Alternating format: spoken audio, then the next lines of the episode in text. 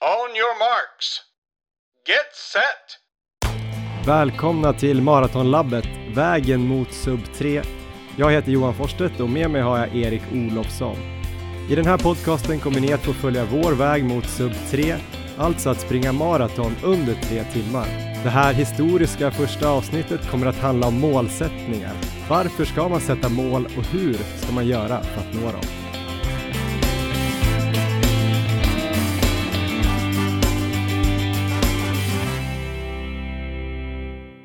Gott nytt år Erik! Är du där? Hej Johan! Jag är här. Gott nytt år! Tack så jättemycket. Hur är läget?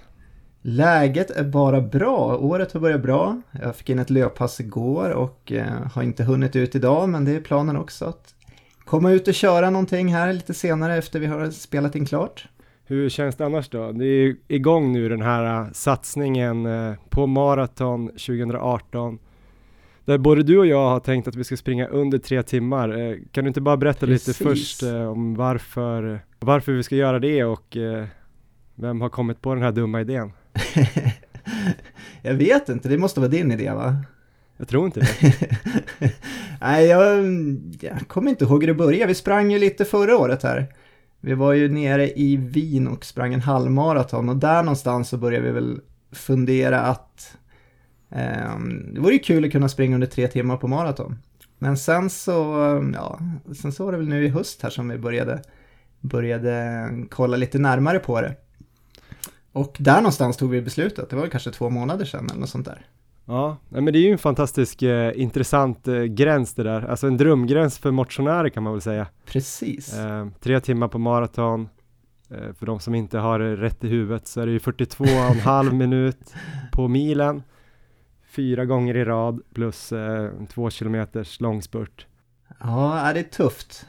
det är ett tufft mål, man fattar det mer och mer ju mer man springer och ute och, och håller på sådär. Det är ganska fort eh, när man är trött Ja, speciellt sista milen är av de, de, få erfarenheter jag har så är det ju, ja, sista milen på maraton det är, det är inte någon lek direkt. Nej, men om man fortsätter därifrån, men liksom hur skulle du säga att ditt liv skulle kunna bli bättre om du sprang maraton på mindre än tre timmar? Hur, hur liksom spelar det roll om du springer? Oj, det var en bra fråga. Um, jag tror att eh, jag tror inte mitt liv kanske skulle förändras så jättemycket, men jag känner redan nu när vi har tagit det här beslutet att vi, att vi ska springa under tre timmar nu under 2018 så känner jag att allting går mycket lättare. Träningen har blivit mycket lättare, jag är mer motiverad, de långa passen är mer, det är liksom roligare, jag har någonting att visualisera på passen och sådär. Så att jag tror det redan har börjat hända faktiskt. Jag tror mitt liv är, i alla fall träningen är mycket, mycket lättare att ta sig igenom med, med det här målet framför sig. Ja. Sen så vet jag inte, vad tror du, blir skillnaden jättestor om vi, om vi nu tar oss under? Kommer vi bli lyckligare? jag vet inte, det är nästan en lite så filosofisk fråga, just det här om man skulle springa på, alltså säg att, att du skulle springa in på 2.59.59 på ett maraton ja. och jag kom in på 3.0001 det vore drömmen, drömresultatet. Eh, så två sekunder skillnad liksom och, och om ja. det skulle spela någon stor roll liksom att man drack lite vatten för långsamt på ett ställe eller var tvungen att stretcha ut en kramp eh, när det var två kilometer kvar eller någonting. Om jag då skulle vara en misslyckad löpare och du är en lyckad löpare. Ja, då ställer man ju saker på sin spets. Men jag, ja, jag vet inte. Det handlar ju om att det kanske är ett, är ett ganska svårt mål att uppföra, så man måste lägga ner ganska mycket energi på att klara av det. Verkligen. Och då kommer det nog vara ganska mycket skönare om man faktiskt har, har klarat det. Men sen, sen håller jag väl med dig, det är mer en, en motivation för mig att kanske komma ut och springa. Eh, ha ja. någonting att tänka på, ha en riktning och, och veta vilka farter man ska springa på sina pass och få den här eh, kontinuiteten på löpningen tror jag. Ja, det är intressant för det finns ju mycket information om just tre timmars gränsen och träning och sådär.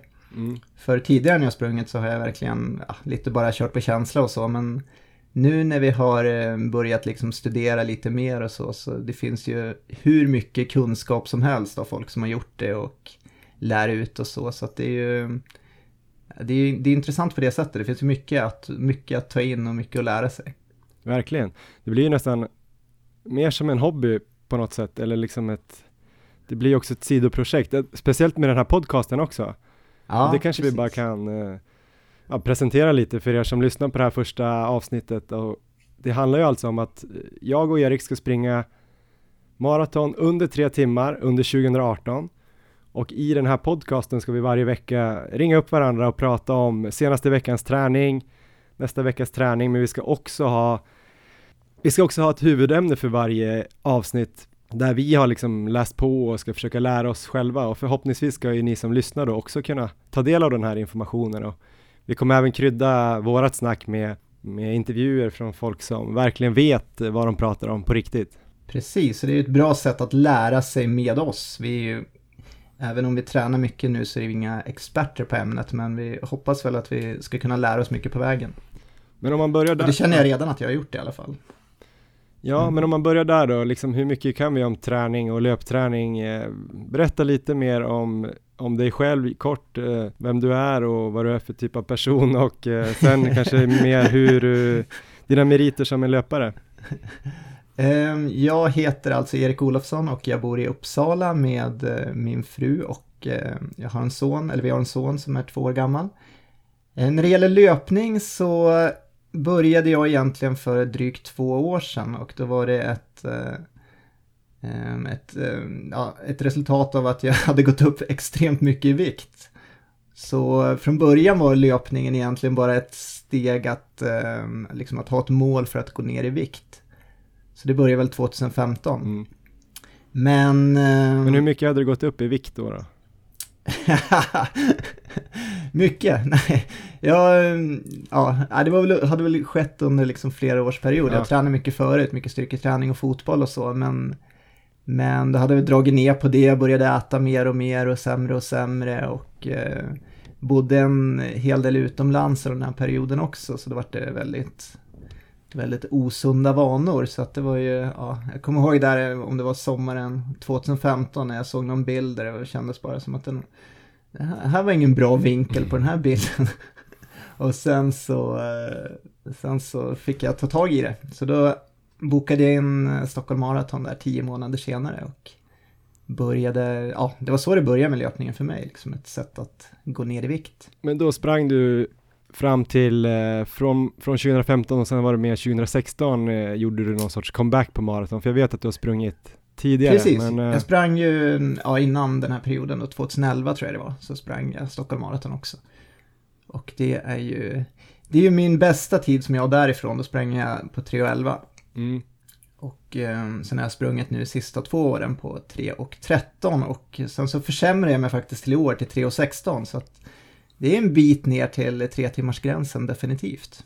Så det är ingen så här, det känns inte som nå- något lätt mål bara att som man gör utan att, men du hade två bra, riktigt två bra, lite kortare lopp också här på höstkanten 2017. Du hade en 10 kilometer och en halvmara va?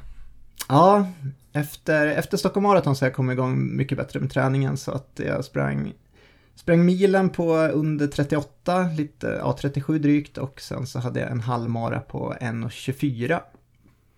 Så ja, de tiderna är lite, lite bättre än mina maratontider i alla fall. Mm. Ja, men jag kan väl ta ungefär samma presentation eh, jag också då. Jag heter Johan Forstedt och jobbar som eh, frilansjournalist, bor just nu i Paris där min sambo jobbar. Eh, hon är också svenska, men vi bor här sedan ett drygt år tillbaka. Eh, mina löparmeriter är väl, eh, de är, det är ganska likt Erik. Jag har också spelat fotboll i, i stor del av mitt liv. Efter jag la ner det så började jag springa lite grann för att hålla igång och så har man fastnat lite mer och mer. Mina bästa tider kom faktiskt 2017, eh, halvmaran där i Wien som vi sprang, en 25.05 och så sprang jag en 10 kilometers lopp här i Paris på eh, strax över 38, 38.23. Så vi är relativt eh, jämna meriter från, från i fjol i alla fall. Jag skulle säga vi ligger ganska exakt på de loppen. Men jag tänkte bara en sak innan vi går in på ämnet, dagens ämne som är målsättningar. Jag tänker, alltså du skulle gärna få förklara för mig, för jag träffade dig efter maratonet, Stockholm Marathon i år som du sprang. Ja, Eh, det stämmer. Det var inte en jätte, jätte, jätte pigg och frisk kille som jag träffade, som låg ner, liksom helt blek, eh, hålögd, knaprade på något Ja. chips. med typ dropp eller någonting. Ja, det var... Varför ja. vill du liksom återuppleva det? Och då hade du ändå sprungit på 3.16, nu ska du springa 16-17 Ja. minuter fortare. Ja, känslan direkt efter loppet eller timmarna efter, då var det väl så här att ja, men det här kommer jag definitivt aldrig någonsin göra igen. Om jag drar det kortfattat, min upplevelse i Stockholm Marathon förra året så gick jag in, ja, så mycket in i väggen som man kan göra. så att sista milen så var det, det var, ja, det var ingen hög fart och det var maxpuls och det var slut på energinivåer och eh, när jag gick i mål sen så hamnade jag i sjukvårdstältet i tre fyra timmar tror jag.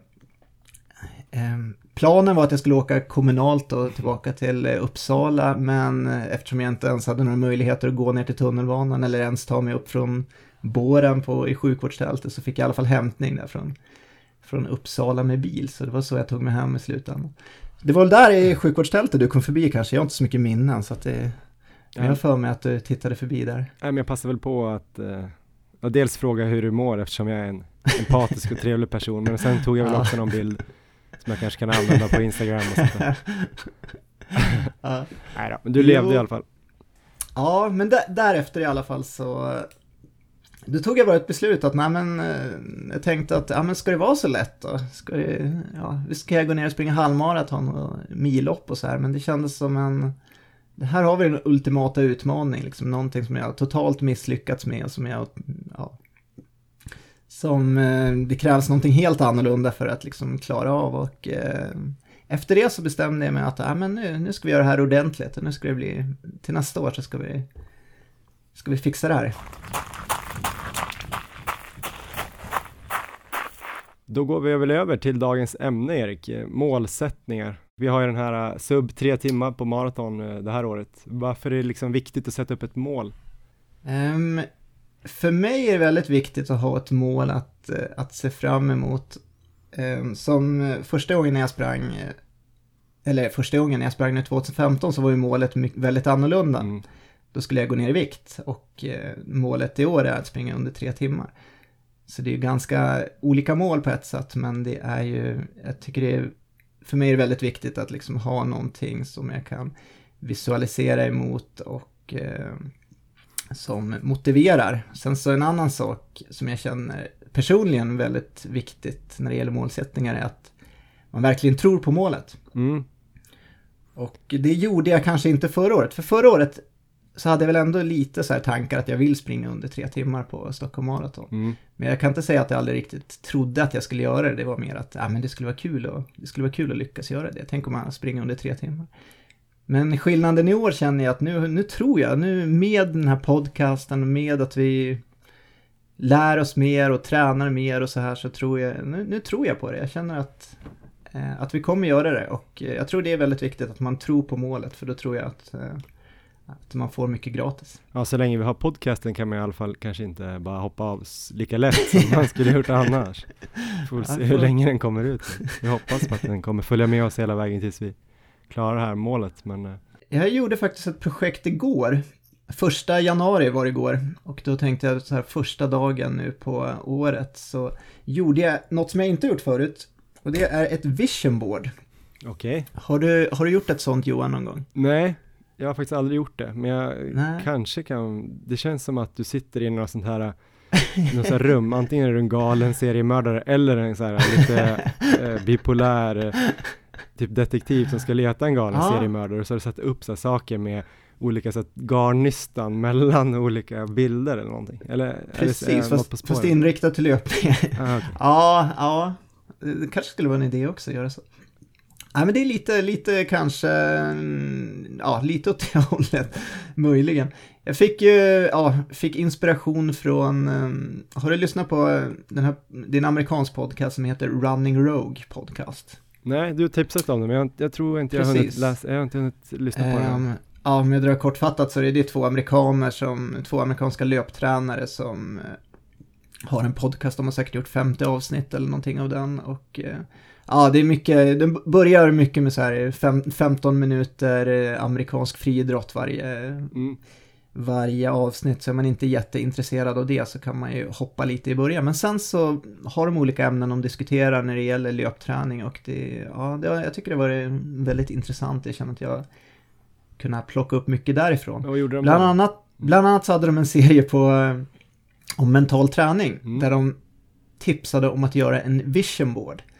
Vilket eh, innebär i princip att man, eh, man sätter upp sina mål Mm. eh, och olika saker som eh, ja, bilder, mantran, olika saker som liksom kan motivera dig för, för att klara de här målen. Och så tanken att man ska se det där varje dag då? Eller bli? Precis. Exakt. Tanken är att man ska sätta upp det någonstans där man liksom får se det ofta, att man kollar på det och liksom ser de här målen framför sig. Har du Johan sett den här filmen The Secret? Nej. Det är, eh, det är en film som är baserad på en bok med samma namn och eh, i den filmen så pratar de mycket om the law of attraction. Och det handlar om att eh, saker du tänker på och visualiserar, alltså saker som du ser framför dig, det om du lägger mycket fokus och tänker på det så kommer de sakerna komma till dig. Och det kan låta lite så här abstrakt och så, men eh, men det är ju lite av den här grundtanken med också med den här visionboarden att eh, om du har det här framför dig, om du ser de här sakerna framför dig, dina mål och allting så, eh, så kommer du attrahera saker som kommer hjälpa dig att nå de målen. Men hur, hur kan det funka ungefär? Har de några exempel i den här filmen eller? Ja, det är mycket, mycket olika exempel där om det, är, eh, om det är relationer och hälsa och eh, arbete och så. Så att det är ju, man kan ju egentligen applicera själva tankesättet på, eh, på det Ja. mesta. Men eh, ju- just när det gäller löpning så känner jag att det här, det här har verkligen fungerat för mig. Jag är för övrigt, jag har varit jättedålig just på det här. Det handlar ju om att liksom tänka positivt och att eh, hålla humöret uppe i situationer och så. Det, här- det här är något som jag Det är inte verkligen... hur man har det, det det är hur man tar det Erik. Precis. Och det här, det här är något som jag verkligen har behövt jobba med och liksom försöker, försöker jobba med nu och Mm. jag känner att om man, om man ser till löpningen så när vi tog det här beslutet att eh, ja, men nu ska vi försöka ta oss under tre timmar och när jag verkligen kände nu att ja, men nu, nu ska vi gå för det här, då Mm. kände jag att ja, men jag, tror, jag tror vi kan göra det. Och det som har hänt då för mig, det är liksom att eh, ja, jag känner att jag attraherar mycket saker som kommer hjälpa oss att nå målet. Jag läser på, vi diskuterar med varandra och lär oss genom varandra och eh, träningen har gått lättare och allting. Så det, det, har- det har verkligen fungerat för mig. Och den här visionboarden som jag nu har satt upp. Men vad har du har på s- din vision board? Det är Ja, det men- alla sitter och väntar på att få höra.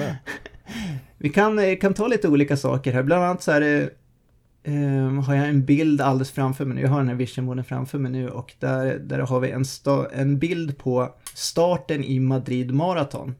Ja, just det. Och eh, att det just är Madrid Marathon är ju för att tanken är att vi ska åka ner i april och eh, springa våran första maraton för året i Madrid. Mm. Och i den här bilden så har jag klippt in också sub 3H. Så det kommer jag se framför mig här varje dag när jag sitter här. Madrid Marathon och sub 3H.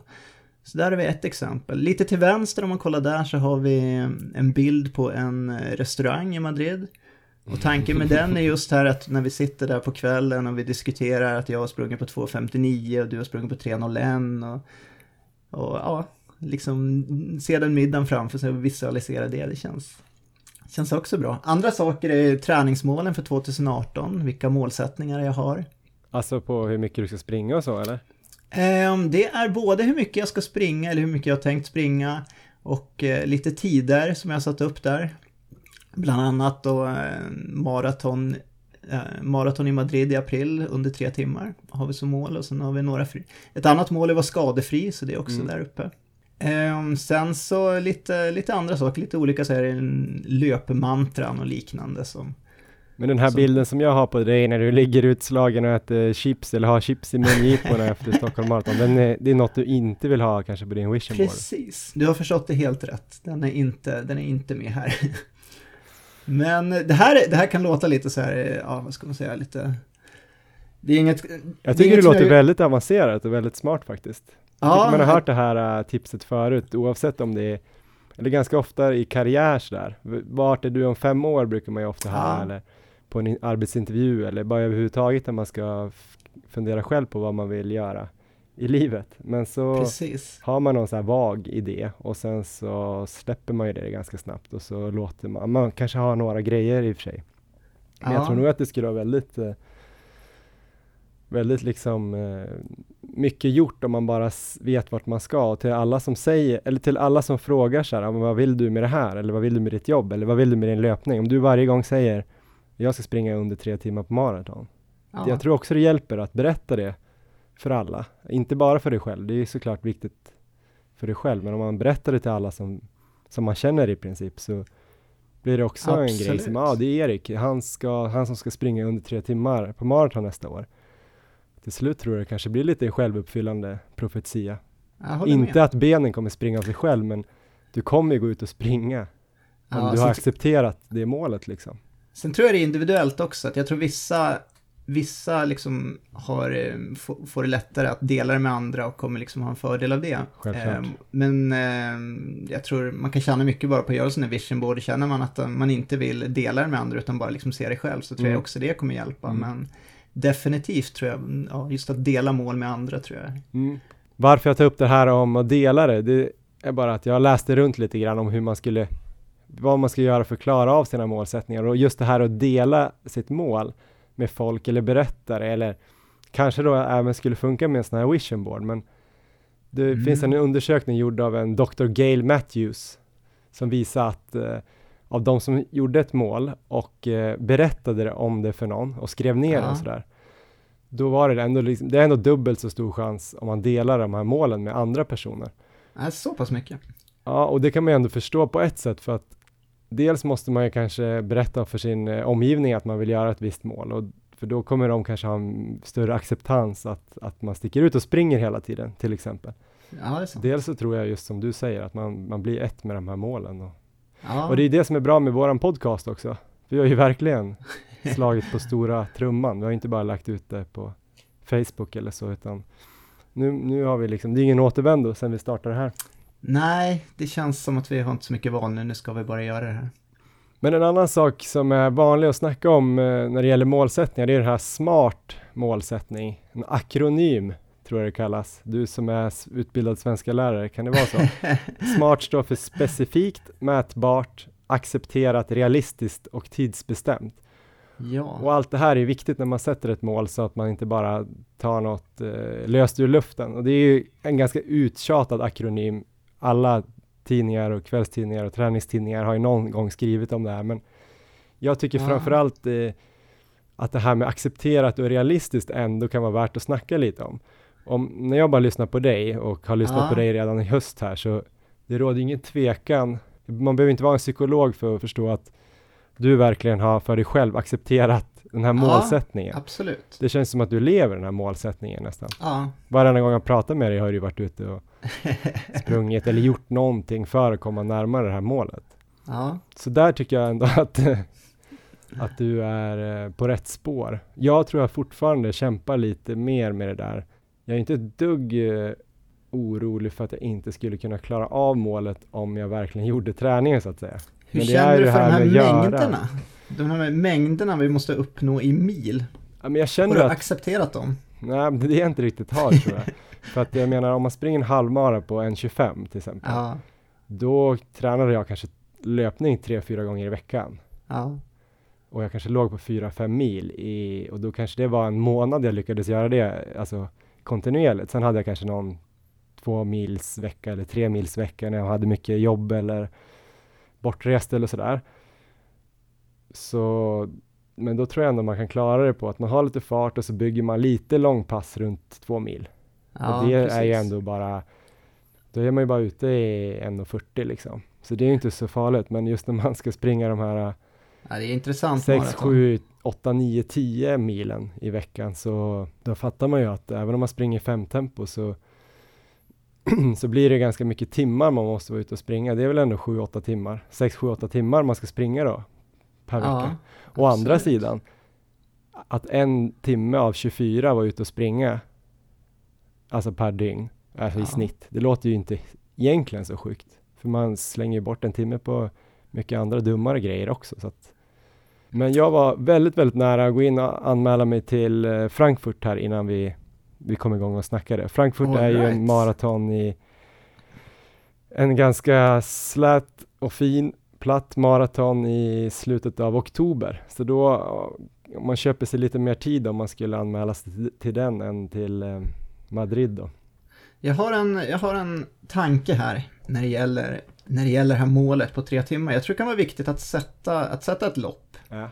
Så att du inte bara har det flytande, att det kommer liksom vara under 2018. Utan jag tror det kan vara bra att ha ett specifikt lopp framför sig som man liksom tränar för, lägger upp en, lägger upp en planering för. Mm. Så jag tycker att det låter som en utmärkt idé. Nu när du har varit skadad så jag vet jag inte om du kommer gå för Madrid fullt ut, om du kommer sikta på tre timmar där eller om det Ja, men jag är lite inne senare. på, men det är det här jag också snackar om, vår gemensamma kompis Per, eh, som Mm. också ska vara med i Wien och som antagligen följer med till Madrid. Han tycker ju att jag är lite, lite svag mentalt tror jag. han har inte sagt det rakt ut, men han säger alltid, det sitter bara i huvudet Johan. eh, när jag säger att jag inte ska springa maraton i Madrid eller vad det nu kan vara. Men jag känner lite att det kan vara dumdristigt för mig. Eh, Ja. att, att försöka gå både på distansen och så pass fort redan om fyra månader är det väl. Ja. Knappt fyra månader. Tre och en halv skulle man nästan kunna säga. Ja, tre och en halv. Men eh, däremot så har jag en liten idé om att försöka ställa upp på maran och kanske ha så här som mål att springa 30 kilometer eller någonting i I tänkt 4.15 tempo. fart. Så det är ju 4.15 Mm. i snitt man måste hålla för att komma under tre timmar. Ja, Så då tänker jag att det kan vara ett bra test att få ett ganska långt och tufft, eh, ett tufft långpass på något sätt. Det här påminner mig om Stockholm Marathon för mig förra året. Ja. Du låg så pass bra så länge eller? ja, kanske inte riktigt. Men hade du tänkt gå in i väggen då eller kliver av sen efter? Ja, men det är det jag inte 30. riktigt vet, för att jag vet ju att man kommer vara där på 30 om man inte mår skitdåligt.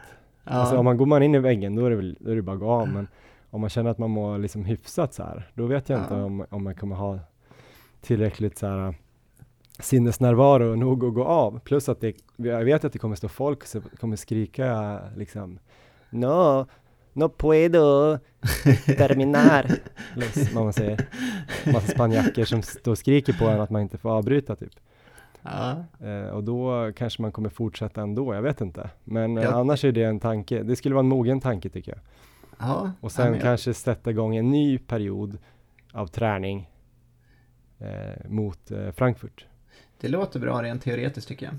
Men jag tror- samtidigt kommer det kanske vara tråkigt med den här podcasten om du bara dunkar in sub 3 i Madrid och sen, jag vet inte, ska jag ha en egen podcast då? Hur gör vi då?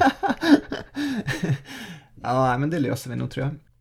Hade du något mer Johan om smartmålsättningen här tänkte jag? Nej men lite kort bara, det är ju intressant att bara veta här om vi sitter och snackar goja eller om det faktiskt är realistiskt att springa under, under tre timmar på maraton och för att sätta det i något perspektiv så på Stockholm maraton som exempel så var det ju 324 män och 22 kvinnor som klarade i fjol.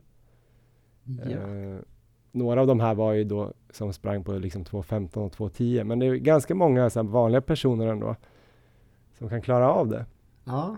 Plus att jag gillar ju att knarka sådana här äh, race calculators. Jag vet inte om du vet vad det är men Ja, jag tror jag har en idé. det är sådana här löpkalkylatorer som man, ja, man går in och så kan man skriva in sitt resultat på kanske 10 kilometer eller på en halvmara och sen översätter den här äh, det, med hjälp av olika algoritmer eller någonting så översätter den ditt kanske milresultat till eh, ett, result, ett fiktivt resultat på, på en massa andra olika sträckor. Ja, just det. De där funkar inte Johan. Nej, Eh. men, nej, det är intressant för de, de funkar typ, de funkar ju i teorin, men man måste ju Ja. vara tränad för distansen. Precis. Jag är ganska, men om, om, för jag fyllde i precis nu och mitt halvmara resultat på 1.25, 05, Ja. det ger eh, nästan exakt så här 38, 30 typ på milen. Okej. Där har jag en ganska bra koppling mellan de två tiderna. Sen är det intressanta då att man går upp då till och kollar på vad jag ska kunna springa på maraton. Ja. Då fick jag 2.57 någonting. Oj, jaha. Men här vet ju jag också att både du och Ja. jag vet ju att jag har inte sprungit snabbare än 3.13 Ja. eh, på maraton. Så där har man ju liksom, de flesta personerna lyckas ju inte träna så pass bra att de kan fortsätta hålla den här. För den här räknar ju med, om du dubblar, om du dubblar längden på loppet så Ja. tappar du ungefär 10-15 sekunder per kilometer. Så om du springer, ganska enkelt då, om du springer milen på 40 Ja. Exakt, då är det fyra, fyra minuter per kilometer. Då enligt de här tabellerna, då ska du kunna springa en halvmara på ungefär 4 och 10, 4 15 fart. Okej. Så någonstans precis under 1.30. Och upp till maraton då, hur stor är skillnaden Ja, då? då, lägger, då ska man ju då egentligen kunna, varje dubblering av sträckan ska ge de här 10 till 15 sekunderna. Aha. Eh, Så då ska du egentligen kunna springa en hel maraton på någonstans 4.25. Ja. 4.30.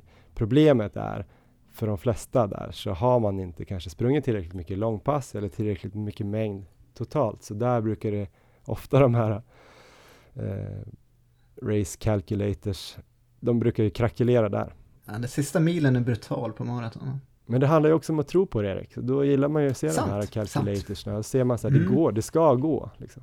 Kan ju inte Sant. bryta ihop in redan nu. Men den sista saken, eller faktiskt i det här fallet personen som gör mig helt övertygad om att vi kan klara sub 3 nästa år. Hon heter Camilla Elofsson och bor i Älta i Stockholm. Hon klarade sub 3 i fjol på Stockholm Marathon. Hon klarade det med 30 sekunders marginal. Hon blev 21 i damklassen, alltså riktigt, riktigt bra lopp. Eh, men vad som gör det här extra intressant, det är att hon året innan, alltså 2016 sprang Stockholm Marathon på 3.13.34 och det är fyra sekunder eh, sämre än mitt maratonpers. Så från 2016 till 2017 så har hon gjort precis det liksom jag vill göra nu. Och eh, så jag ringde helt enkelt upp henne och frågade hur klarade du kapa 14 minuter på ett år på maraton? Och eh, Intressant. här för lyssnarna och för dig Erik så kommer Ja. den intervjun. Det var ett livsmål på ett sätt att klara sub 3. Men just den här gången på Stockholm Marathon så hade vi inte riktigt eh, gjort upp en plan exakt för det. Men eh, det var ju fantastiskt att det gick ändå. Men om man kommer in lite på vad det var som kan ha gjort att du, att du klarade sub 3, för året innan sprang du 14 minuter eh, långsammare, 3.13, eh, 34 eller något sånt där. Eh, och eh, 14 minuter är ju ganska mycket på de där nivåerna, men hur såg din träning ut eh, det här året? Var det något speciellt som hände eller var det bara att någonting lossnade? Eh, nej, det var, det var mycket speciellt som hände. Men eh, framför allt kan jag säga att innan, när jag sprang på 3.13 och så, då sprang jag liksom bara, gick ut och sprang i skogen det som dagen tillät. Ibland kanske det blev två mil, ibland åtta kilometer, ibland ja, 25 kilometer. Men liksom, jag hade ingen struktur, jag sprang alltid bara likadant. Så kallad mellanmjölk som många säger det. Att man liksom, det är inte riktigt hårt men det är inte riktigt lugnt heller utan bara någonstans i mitten. Det känns bra, man är ute och springer och känner att det ger effekt. Liksom. Men det som hände när jag började i klubben och fick lite mer förståelse för träning det var helt enkelt att jag började springa intervaller. För det hade jag aldrig gjort innan. Men du började i en klubb? Jag började i en klubb. Jag började i Huddinge, eh, Huddinge AIS. Och eh, det är en helt fantastisk klubb. Jag visste inte att det fanns sådana ens. Eh, jag började där i december. Och jag menar, jag kom man som då var jag alltså 30, 33, 34 år. Och de tar emot en. Man kan vara hur bra eller dålig som helst. Men man får tränarhjälp, man får tillgång till löparbanor. Man får löpa kompisar som är lika nördiga som en själv. Och mm, man får sparringpartners på intervallerna liksom. Eh, och då började vi liksom springa, ska man säga, korta intervaller på tisdagar. Att man kunde springa, och då sprang man ju riktigt snabbt. Det hade jag aldrig gjort förut. Så man sprang 400 meter, kanske så här 10-15 gånger 400 meter. Vila en minut liksom. Och då var man ju i farter som, man var ju helt förstörd efter de passen. Träningsverk och liksom så. Men då ligger man nästan 90-95 procent eller Ja, högre än så? nej men det, det blir det ungefär. Och det var ju en annan grej. Jag hade ju aldrig haft koll på min puls innan, innan det här. Nej, det. men det blev ju köpa pulsband och pulsklocka och sånt liksom och hitta sina tröskelpuls och så vidare. Ehm, men då ligger man, ja på de korta intervallerna så ligger man ju då mellan 90 till 95 procent av sin maxpuls. Och det blev det liksom på tisdagar. Och sen torsdagar så körde man oftast tröskel då. Kanske man sprang ja, tre gånger fem kilometer. eh, i, ja, vad har man då, kanske 85 procent, med sin tröskelpuls liksom. Den gäller ju att hitta då. Eh, och sen så långpassen eh, på, på söndagar i mitt fall. Alltid springa långpass liksom. Men just att man fick den här strukturen att man tränade hårt på tisdagen och torsdagen och sen så lugnt på söndagen. Och då när man tränar hårt, så när man sprang snabbt, då gäller det att springa snabbt. Och när man springer lugnt, då ska det gå lugnt så att man är nere på, vad har man då, då kanske max 65 procent av sin maxpuls. Just det. Gjorde du alla långpass på det sättet eller körde du några där du liksom hade så progressivt eh, fartökning mot slutet? det, eller det var, det det alltid var de jag inte riktigt hann. De är jättebra, men det var sådana hårda långpass jag inte hann inför Stockholm Marathon. Eh, jag hann bara ett sånt, mer eller mindre, och då, då gick det till så att jag sprang lugnt hela vägen till de sista fem kilometrarna där jag ökade. Mm. Eh, så då sprang jag 30 kilometer och då var de första 25 lugna. Just det, och de lugna då kanske var runt eh, fem eller till och med över fem? Ja, till och med över fem minuter. i mitt fall Ja, faktiskt. Eh, mellan fem, eller från mellan 4.55 till 5.10 då, ungefär. just det. Och sista fem i marafart eller? Ja, inte, rikt, inte riktigt, nej inte hårdare, men, men 4.20 kanske. Marafarten för sub 3 är ju 4.15 då. Kanske jag låg i 4.20, mellan 4.20 och 4.30. Men man är ju ganska trött där efter 25 också, så det är ju bra för kroppen att lära sig att orka öka då. Hann du lägga till någonting emellan de passen också eller var det tre pass du körde? Eh, de tre passen var så kallade kvalitetspass då, som man säger. Alltså ett pass med fart, ett pass med trösklar eller backe och ett pass med långpass. Och de tre passen var liksom huvudpassen på veckan. Däremellan så sprang jag lättdistans, alltså man ger, springer mellan 8 till 14 kilometer och bara lugnt, lugnt, lugnt. Också kanske då 5-10 fart. Eh, det är bara för att få upp antal mil i veckan, för det är också viktigt. Man ska väl gärna springa mellan, för att springa sub 3 skulle jag säga, mellan 7 till 12 mil i veckan liksom. Vad låg du på ungefär? jag låg ungefär på 9. 8-9 där någonstans. Eh, så att måndagar var min vilodag. Alla andra dagar sprang jag. Eh, så att det blev ju fem, sex, sju pass i veckan. Ibland var det ju dubbelpass också, att man sprang både morgon och kväll för att få upp milen liksom. Men hur stor skillnad var det från året innan i mängd? Jag sprang väl ungefär 4-5 mil i veckan som mest året innan. Och då var det ju liksom i terräng och kanske att jag sprang i 4.40 fart. Alltid. Mm. Oavsett om jag sprang längre eller kortare. Precis likadant. Liksom. Eh, och så gå från 4-5 mil till 8-9 mil. Det är en ganska stor förändring. Mm. Ehm, och det eh, tycker alltså, att jag skulle stegrat upp det med facit i hand. Jag skulle stegrat träningen lite mer. Börjat med 5-6 mil, sen 6-7 mil, 8-9. Men man dras med. Man får resultat, det går fort, man utvecklas. Och så, så det vill jag varna för. Börja, jag vet inte hur mycket du och, eller mycket ni ligger på nu i veckan. Men när ni nu börjar träna, det är jättebra om ni sätter ett liksom långsiktigare mål så att ni hinner bygga upp. Alltså kanske inte anmäla er till ett maraton i april nu så det är bara all in liksom. Utan bygga upp så hela kroppen hänger med. Både hjärta och ben och fötter och plantarfascior. Och tror du att vi kan klara det då? Ja, för lyssnarna kan man ju säga att vi har säkert pratat om det här tidigare i podden, men eh, jag sprang ju halvmara på 1.25 och Erik ligger, hade 30 sekunder snabbare. Vi har båda sprungit runt 3, ja, 3.10 tror jag Eriks pers och 3.13 är mitt pers. Eh, ungefär på de nivåerna som du hade i fjol. Jag är helt övertygad om att ni kommer klara det. Alltså, sen kan man ju också se, bara era tider att springa en halvmara på 1.25, rent, det finns ju sådana fina tabeller också. Det indikerar ju redan där att man ska kunna klara att springa under tre timmar. Eh, så det är bara att ni ska orka det här lite längre. Eh, så bli starkare och bygga upp uthålligheten lite mer. Så jag skulle säga, lägg in lite mera kvalitetspass, eh, korta intervaller, långa intervaller. Kör alltid långpass på eh, en gång i veckan. Och försök tävla lite mer. Och håll er skadefria, för guds skull. Men eh, jag klarade det ju på, ja, det var ju ett år.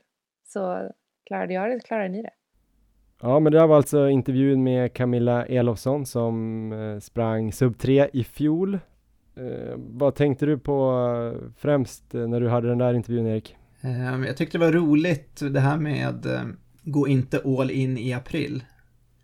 och eh, det är ju det är väl lite, lite kanske det jag är på väg att göra nu, men Men hur känner du kring det när du hörde då? För att hon, eh, det som inte kom, framkom kanske i den här intervjun som vi ändå pratade om, det var att hon fick en fotskada. Hon, hon gick ju upp från 4-5 mil per vecka året innan upp till nästan 9 mil i snitt eh, och fick någon sån här plantar fascit heter det väl. Det är väl Ja. något som man också brukar kalla för hälsporre, men inte riktigt hälsporre, men man får ont i den här senan under foten.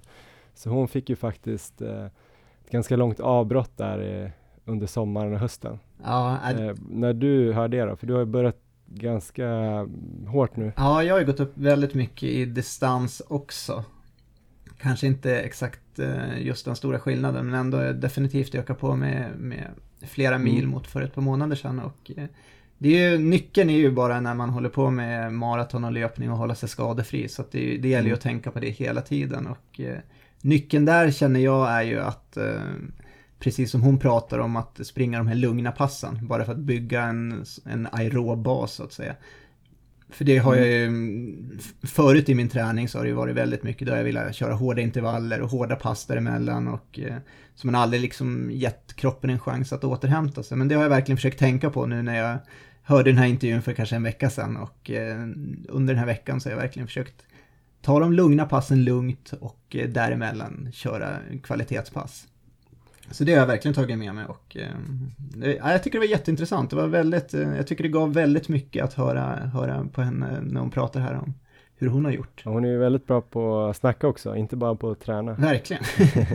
Men det jag tyckte var intressant också var ju dels det här sista hon sa, att, att hon tror att vi kommer klara det. Det känns ju, det känns ju skönt. Ja, det är bra. Men annars så är det ju, jag är nog imponerad att hon var så pass duktig på att springa innan hon gjorde de här tre nyckelpassen, för hon har ju alltså bara varit ute och sprungit Ja, verkligen. ungefär samma fart hela tiden och ändå kommer ner till 3.13.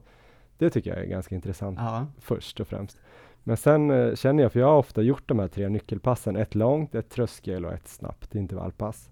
Däremot har jag ju väldigt, väldigt sällan haft tre distanspass eller återhämtningspass eller vad man ska kalla dem. Och sen att gå upp från liksom 4-5 mil till 9 mil. Hon snackade om att man kanske borde springa 7 till 12 mil i veckan. ja, Det är ju där jag har ringat in här på mina anteckningar. Det är ju det jag måste göra och det är det jag också hela tiden har problem att acceptera att jag måste göra på något sätt. ja. Men eh, Men du har, precis, där- du har precis som henne sprungit lite i grupp va? Inte alla pass, men några pass. ja, men det är framförallt lite så lugnare pass för mig i alla Okej. fall då.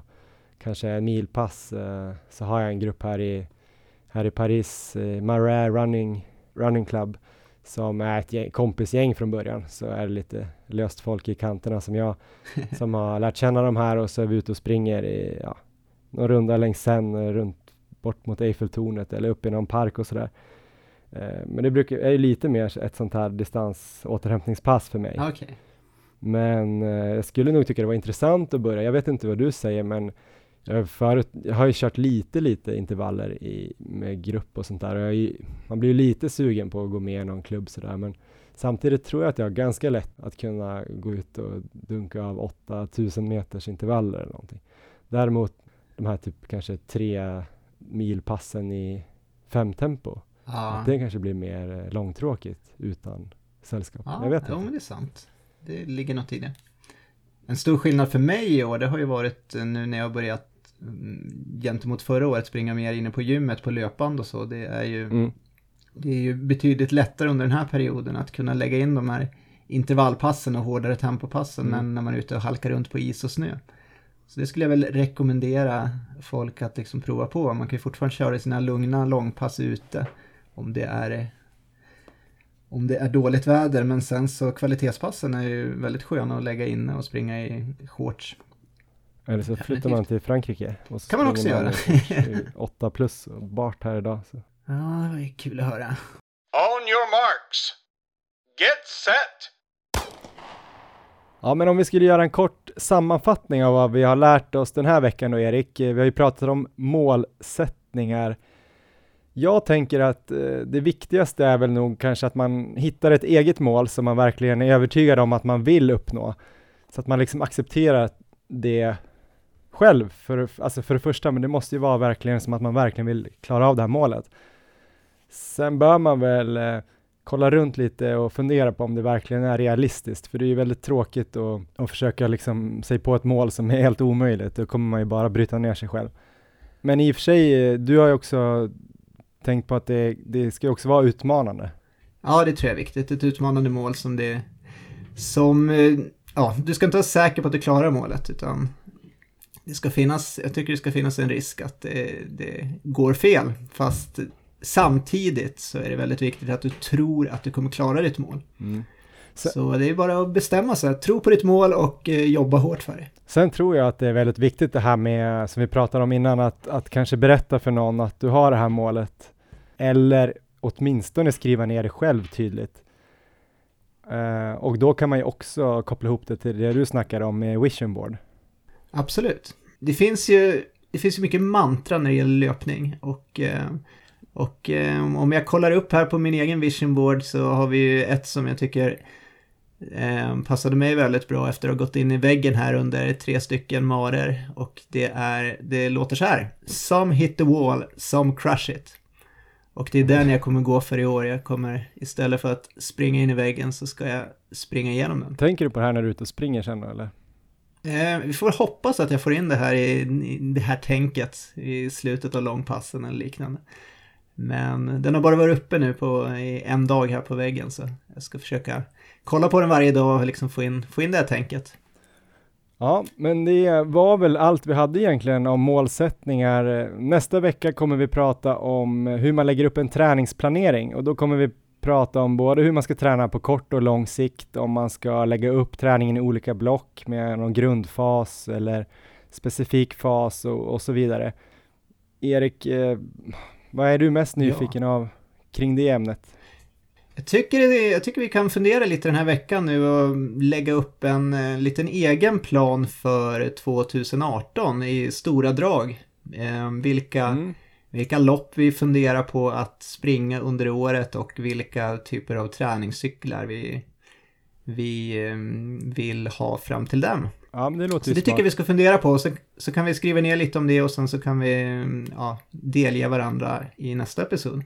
Ja, jag ska förhoppningsvis också få tag i någon bra löpcoach som vi kan göra en liten telefonintervju med också för att eh, ställa våra bästa frågor om det.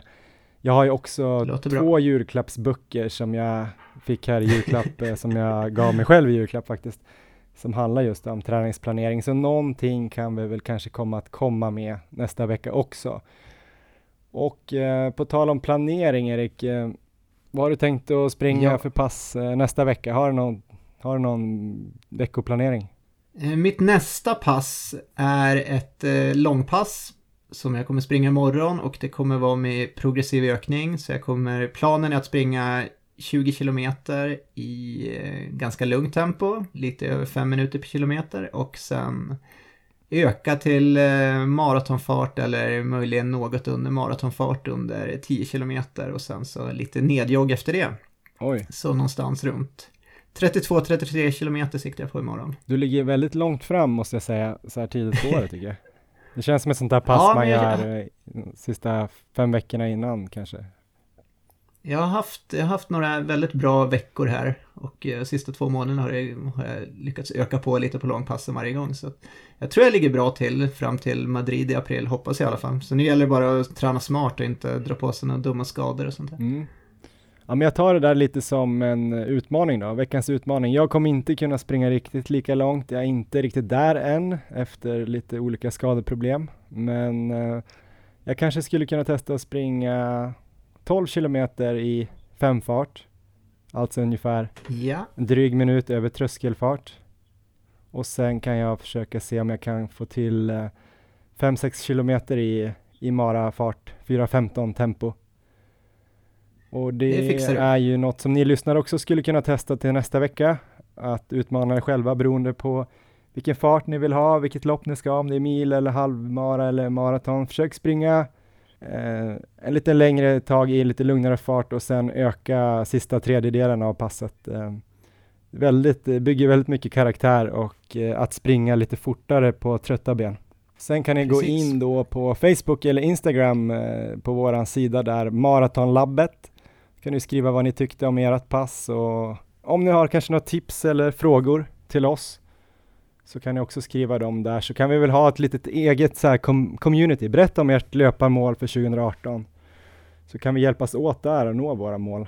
Även så finns ju jag och Erik, alltså Johan Forstedt och Erik Olofsson registrerade på Strava där vi också registrerar vår löpning. Um, det kan ju vara kul att följa där, kan ni se lite hur mycket vi tränar så kan ni också komma med lite kudos eller eh, kommentera om ni tycker att vi springer för långsamt. Jag kan väl tillägga att mina, min Strava-profil kommer inte ha så mycket pass nu under, under vintern det som kallast för det springer jag mycket inne på, eh, inne på gymmet på löpan. Men långpassen kommer vara där och kan, så det kanske blir en två pass, två pass i veckan eller sånt där. Din löpbandsträning måste vi också snacka om i något avsnitt framöver tänker jag. Det kan ju också vara intressant eh, ja. så länge snön och isen är kvar. Det, det, det är någonting som ligger i, i pipen för framtiden. Det tror jag har lite bra inspirationstips att ge för folk som tycker det är väldigt tråkigt att springa på löpan. Men eh, det kommer längre fram. Nu ska vi tacka för att ni har lyssnat på det här första avsnittet och vi ser fram emot nästa veckas avsnitt som kommer handla om träningsplanering. Till dess Erik, ha det så bra och spring lagom hårt. Detsamma, lycka till!